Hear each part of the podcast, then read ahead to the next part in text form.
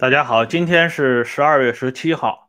今天啊，临时讲一期这个跟眼下刚刚发生的一个事情有关的话题，这就是高岗李立群夫妇终于被画上了一个比较圆满的句号。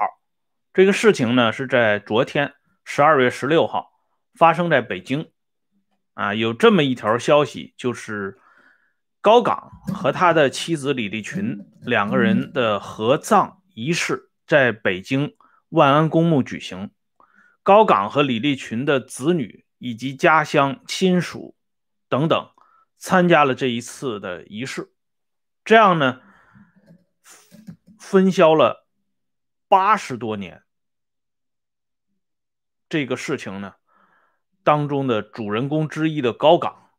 啊，终于算是尘埃落地了。在二零一零年。第五期的《同舟共进》杂志上，我曾经发表过一篇文章，叫《高岗的前半生》。换句话说啊，当时能够公开发表介绍高岗的呃事迹，这本身已经说明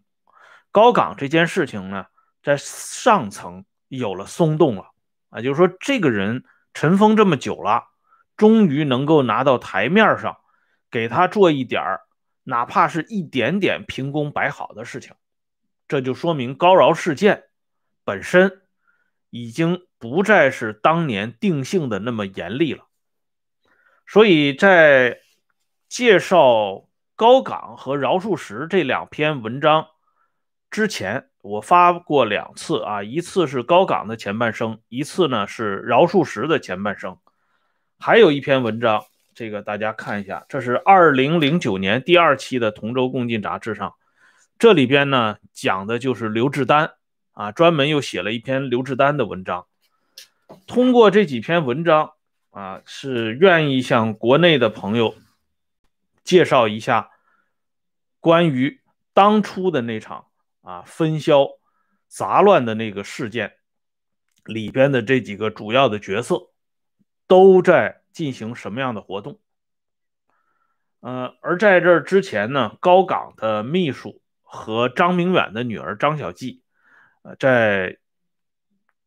公开出版了一本书，叫《高岗在北京半截墓碑下的往事》。这本书呢，也是研究高岗以及高饶事件啊必须看的一本书。嗯，在高岗的家乡。后来又陆续出了纪念高岗文集，啊，高岗的一些传记，啊，一些官方的呃出版社呢也正式的出版了高岗传。但是这些事情呢，其实都是围绕着原来的中国共产党全国代表会议上已经做了的结论来进行议论，包括我的这个。国内发表的几篇文章里边也没有越过这个雷池啊，除了我在后来我在香港出的那本书啊，高层恩怨的那本书，大家也知道啊。这本书现在呢电子版还在出售，有兴趣的朋友可以跟我联系一下。对于高岗这个人物啊，大家应该是非常熟悉。这个人呢啊，在中国历史上。几个关键的历史阶段，那都是扮演过分量不轻的角色的。当年一句啊，周恩来一句“陕北救了中央”，凸显的就是刘志丹和高岗的作用。而高岗这个人呢，在当初陕甘边的三巨头当中，他应该是比较冤的啊，因为他一直背负着沉重的枷锁，直到。啊，最近这十年当中，才陆陆续续能够拨开云雾，跟大家露一小脸。高岗当年啊，他这个人呢，弱点非常突出啊，或者叫缺点非常突出。这个人啊，原来东北局的老人，在上个世纪八十年代的时候，我曾经遇见过这么几个前辈，他们都在东北局。供职过，他们讲的这个共同的一个话题就是高岗这个人生活作风确实有问题啊，哪怕什么事情都是冤枉的，但是高岗的生活作风这件事情绝对没有冤枉高岗。高岗这个人呢，嗯，他有个特点，就是离不开女人。他这种啊，就是一时一刻的都离不开女人。所以，当时东北局的呃这些老同志呢，他们有一个印象，就是说互相转告，说高书记在办公室的时候，嗯，不要单独的去汇报工作。为什么？因为怕撞上非常尴尬的现象，啊，非常尴尬的情景，这样对你对高书记来讲都不太好。哎，所以这个高岗的这个特点啊，当时呢是尽人皆知。嗯，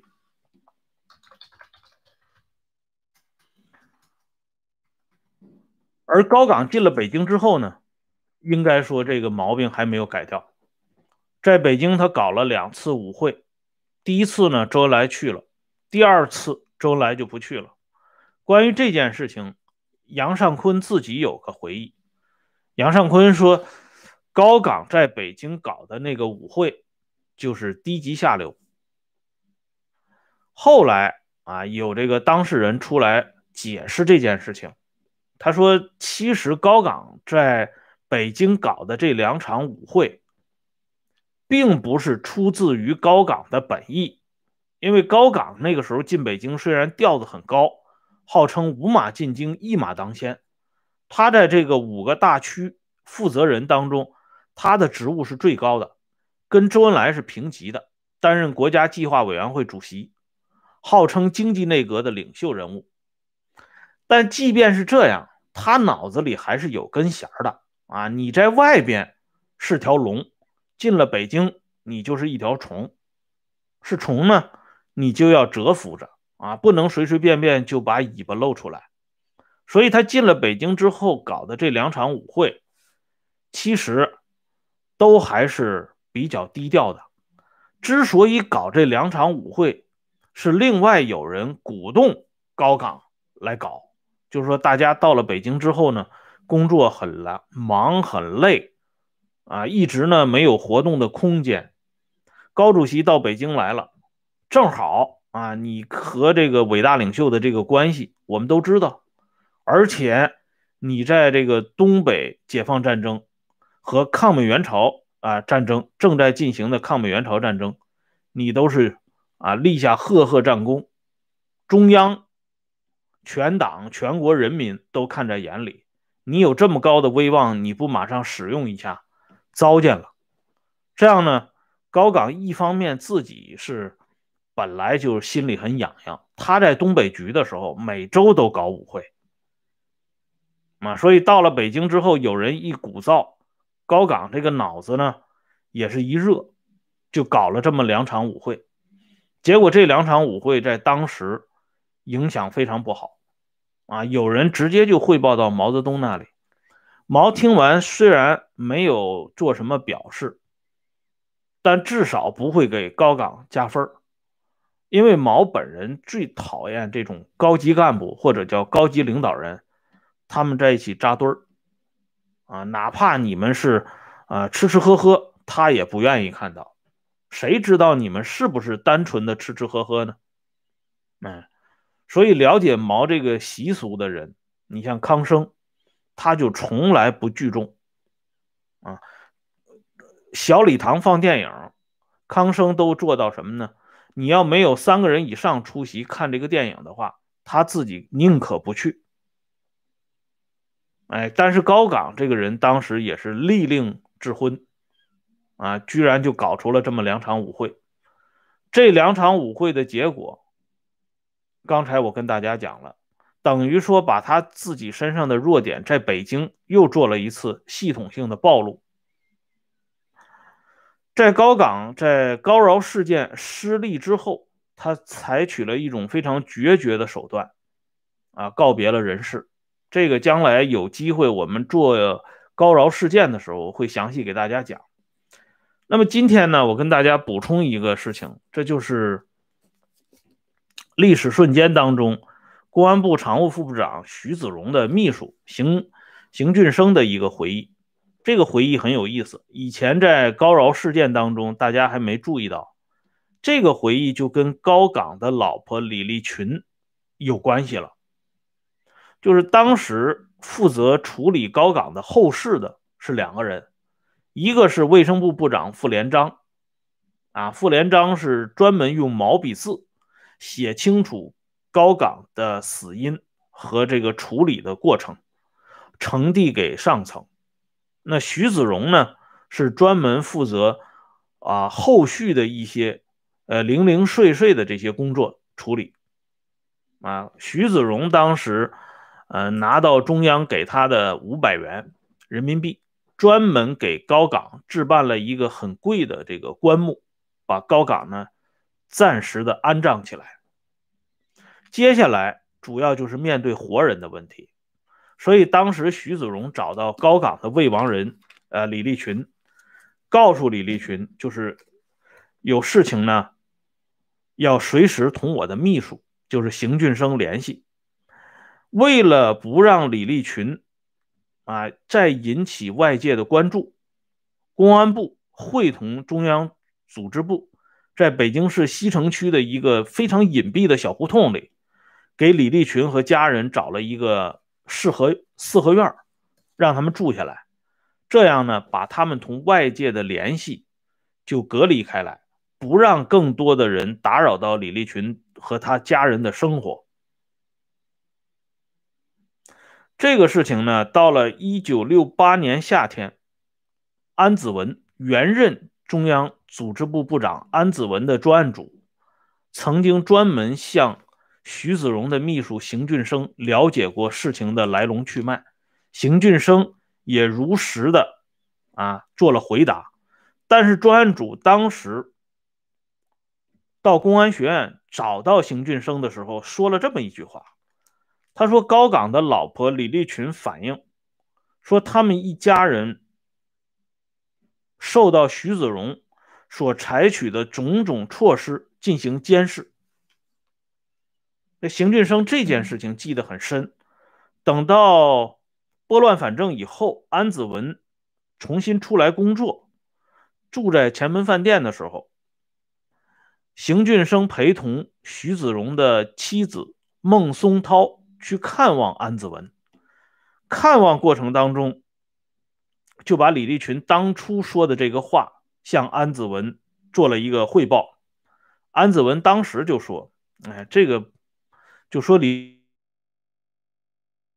李立群啊，这个人什么监视啊？那不是事实，没有人监视他们家。”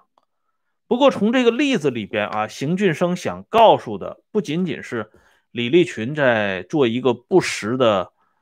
啊结论，或者叫撒谎，更主要的是，为什么到了一九六八年夏天的时候，李立群他们家突然可以作为安子文、徐子荣专案的一个证明人呢？这就是说，到了文化大革命的时候，李立群他们非但没有受到冲击，反而呢？摆脱了以往的那种尴尬的境地。换句话说，正如伟大领袖经常讲的那句话：“国难思良将。”啊，在最需要人的时候，领袖经常会想起他两个亲密的战友，一个是柯庆施柯老，一个就是高岗高主席。所以，李立群这个人在文化大革命当中是受到了保护，甚至后来他和刘志丹的老婆。一起出席了最后一次啊，周恩来主持的全国四届人大，哎，待遇很好。那么到了今天啊，从一九三五年十月一号开始的抓捕高岗刘志丹的那个事件啊，处理到今天整整过去了八十五年，高岗和他的老婆李立群终于入土为安了。啊，两个人又走到了一起，啊，这也符合高岗生前的这个习惯，片刻啊都离不开女人的这个习惯。同时呢，也是为这一起著名的事件，从刘志丹高岗事件到高饶事件，啊，这个跨度之大，也算是官方给出了一个比较圆满的回应。所以今天的题目要叫一个圆满的句号。这在官方层面能做的也就这些了。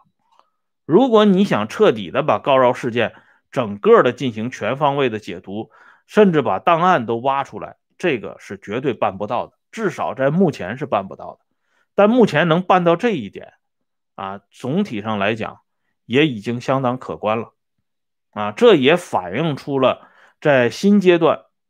对党史上一些重要事件有了一个比较不同于以往的解读。